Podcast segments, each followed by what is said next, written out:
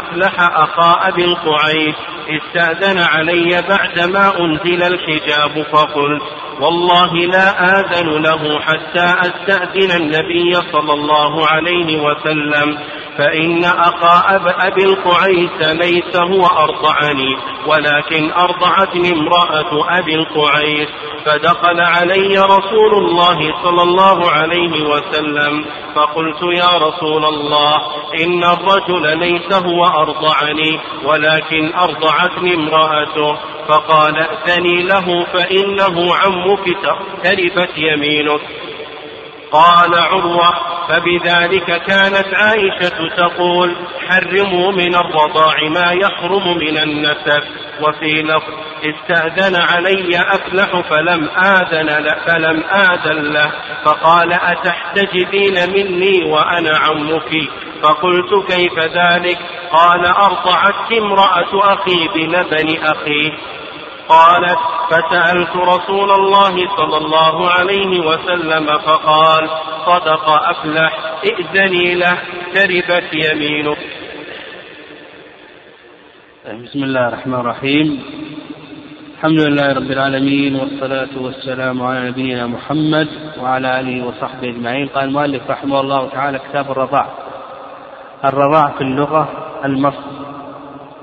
وأما في الاصطلاح فهو مص من دون الحولين لبنا. تاب عن حمل أو وطء أو شربه ونحو ذلك.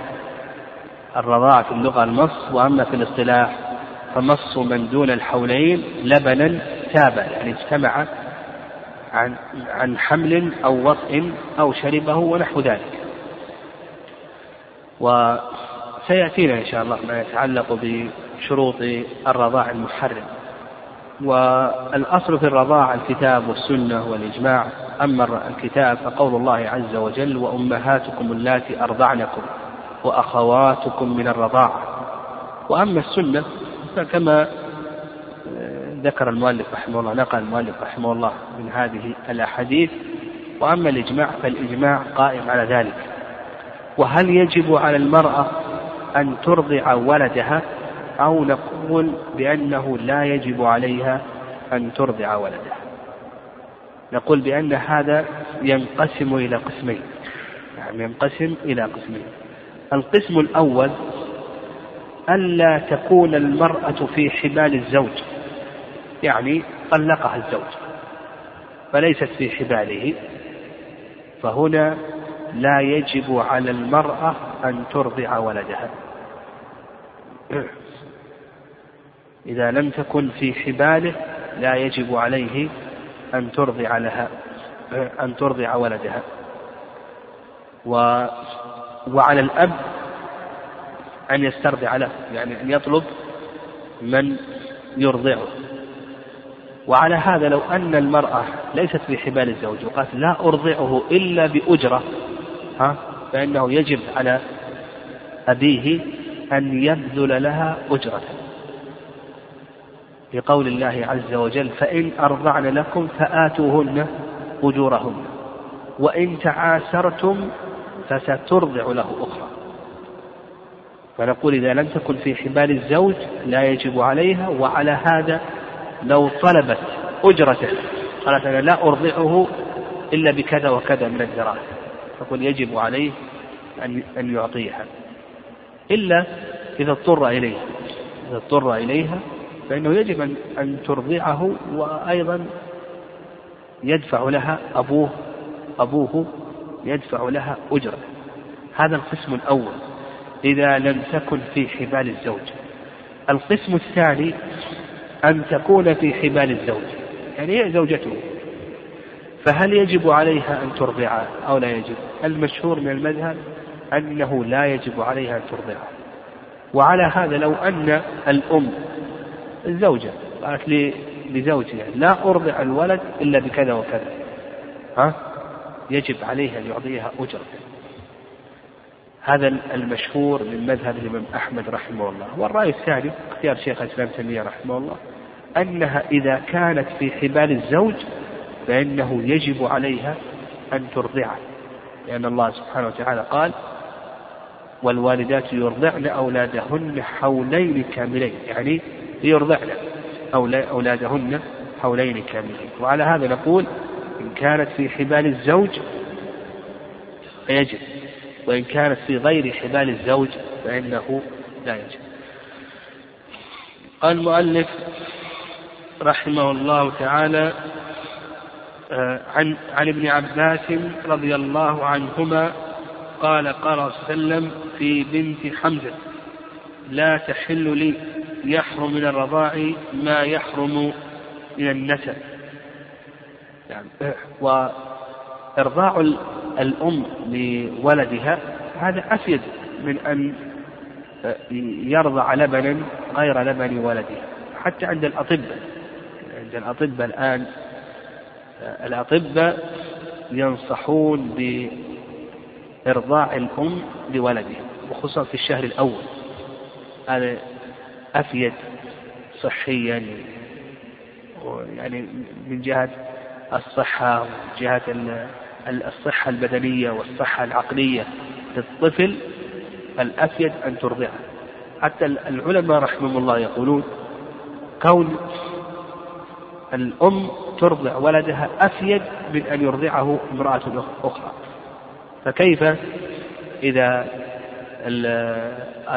رضع بلبن غير غير لبن آدمية فالأفيد أن يعني صحيا عقليا بدنيا أن يرضع الطفل من أمه. قال المؤلف عن ابن عباس رضي الله عنهما قال قال صلى الله عليه وسلم في بنت حمزة حمزة بن عبد المطلب رضي الله تعالى عنه لا تحل لي يحرم من الرضاع ما يحرم من النسب وهي ابنة أخي من الرضاعة حمزة رضي الله تعالى عنه أخو النبي صلى الله عليه وسلم من الرضاعة أرضعته ثويبة وثويبة هذه مولاة لأبي لهب. أرضعت حمزة والنبي صلى الله عليه وسلم. فقال النبي صلى الله عليه وسلم ابنة حمزة لا تحل لي إنها ابنة أخي. يحرم من الرضاع ما يحرم من النسب. مش معنى قوله يحرم من الرضاع ما يحرم من النسب. المحرمات في النسب سبع بينها الله عز وجل في سورة النساء حرمت عليكم أمهاتكم وبناتكم وأخواتكم وعماتكم وخالاتكم وبنات الأخ وبنات الأخت. هؤلاء سبع يحرمن من النسب. أمك وإن علت بنتك وإن نزلت أختك من أي جهة عمتك وإن علت خالتك وإن علت بنت الأخ وإن نزلت بنت الأخت وإن نزلت هؤلاء يحرمن إلى يوم القيامة. مثلهن يحرم من الرضاع. فأمك من الرضاع بنتك من الرضاع أختك عمتك بنت أخيك بنت أختك من الرضاع. هؤلاء محرمات عليك يعني محرمات عليك. وقول النبي صلى الله عليه وسلم يحرم من الرضاع ما يحرم من النسب. ذكر العلماء رحمهم الله ضابطا لذلك. يعني يحرم من الرضاع ما يحرم من النسب تفصيله كما تقدم. المحرمات من النسب سبع. يحرم مثلهن من الرضاع. والعلماء رحمهم الله ذكروا ضابطا في انتشار التحريم بالرضاعة فعندنا مرضعة وعندنا صاحب لبن وعندنا مرتضع. مرضعة وصاحب لبن ومرتضع. المرضعة ينتشر التحريم إلى أصولها. وفروعها وحواشيها. يعني الإخوة والأخوات دون فروعها المرضعة ينتشر التحريم إلى أصولها وفروعها وحواشيها حواشي الإخوة والأعمام دون فروعها دون فروعها صاحب اللبن أيضا ينتشر التحريم إلى أصوله وفروعه وحواشيه دون فروعه. يعني صاحب اللبن مثل المرضعة تماما. المرتضع ينتشر التحريم إلى فروعه فقط. المرتضع ينتشر التحريم إلى فروعه فقط.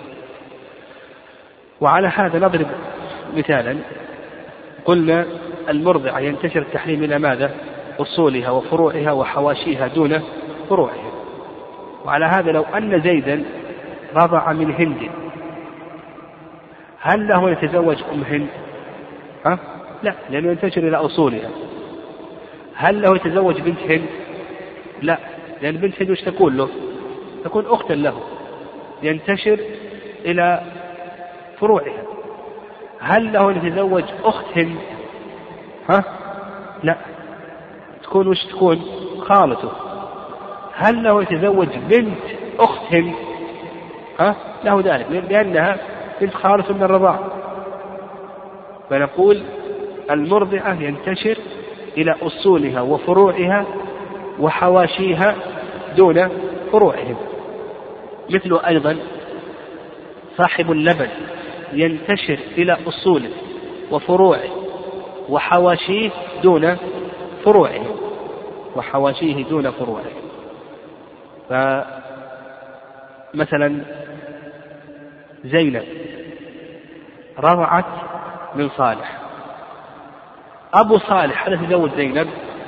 لا لأنه انتشر إلى أصوله ابن صالح تزوج زينب؟ نقول لا أخو صالح صاحب اللبن يتزوج زينب؟ نقول لا يتزوج لكن ابن أخ صالح.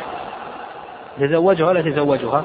نقول بأنه يتزوج وعلى هذا فقس. يعني القاعدة نقول المرضعة ينتشر التحريم إلى أصولها وفروعها وحواشيها دون فروعهم وصاحب اللبن أيضا ينتشر التحريم إلى أصوله وفروعه وحواشيه دون فروعهم.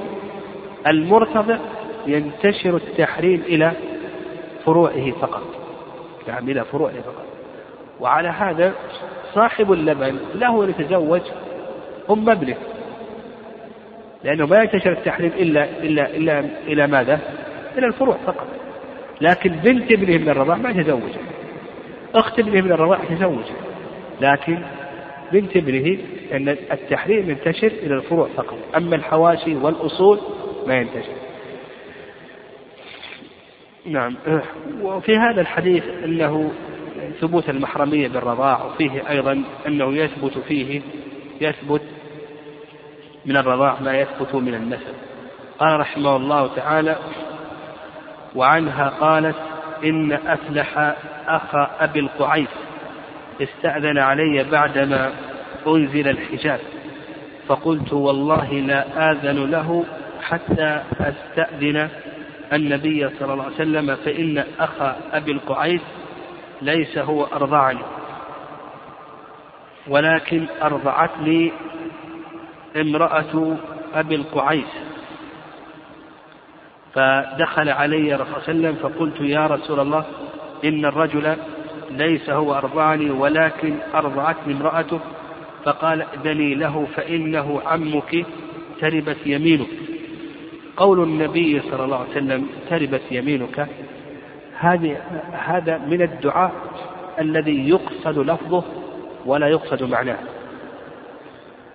وإلا فإن معناه الدعاء بالفقر يعني التصقت يمينك يمينك يمينك بالتراب من من الفقر. فهذا مما يقصد فيه اللفظ لكونه يجري على اللسان. ولا يقصد به ماذا؟ المعنى. المعنى ليس مقصودا. ومثل ذلك قول لعمري ومثل ذلك قول سكلتك أمك قول لعمري ظاهره الحلف بغير الله عز وجل. لكنهم هذا مما جرى على اللسان. يعني ولا يقصد به الحلف بغير الله عز وجل. وإنما مما يجري على اللسان فعفى عنه الشارع. قال عروة فبذلك كانت عائشة تقول حرم من الرضاء ما يحرم من النسب وفي لفظ استأذن علي أفلح فلم آذن له فقال تحتجبين مني وأنا عمك؟ فقلت كيف ذلك؟ قال أرضعتك امرأة أخي بلبن أخي. قالت فسألت رسول الله صلى الله عليه وسلم فقال صدق أفلح ائذن له تربت يمينك تربت أي افتقرت والعرب تدعو على الرجل ولا تريد وقوع الأمر به. في هذا الحديث كما تقدم أنه يحرم من الرضاع ما يحرم من النسب وأيضا مثله الحيث السابق حيث عائشة قالت قال وسلم إن الرضاعة تحرم ما يحرم من الولادة. وذكرنا القاعدة في ذلك. وأن المحرمات من النسب سبع يحرم مثلهن من الرضاعة والقاعدة في ذلك أن المرضعة ينتشر التحريم إلى أصولها وفروعها وحواشيها دون فروعهم.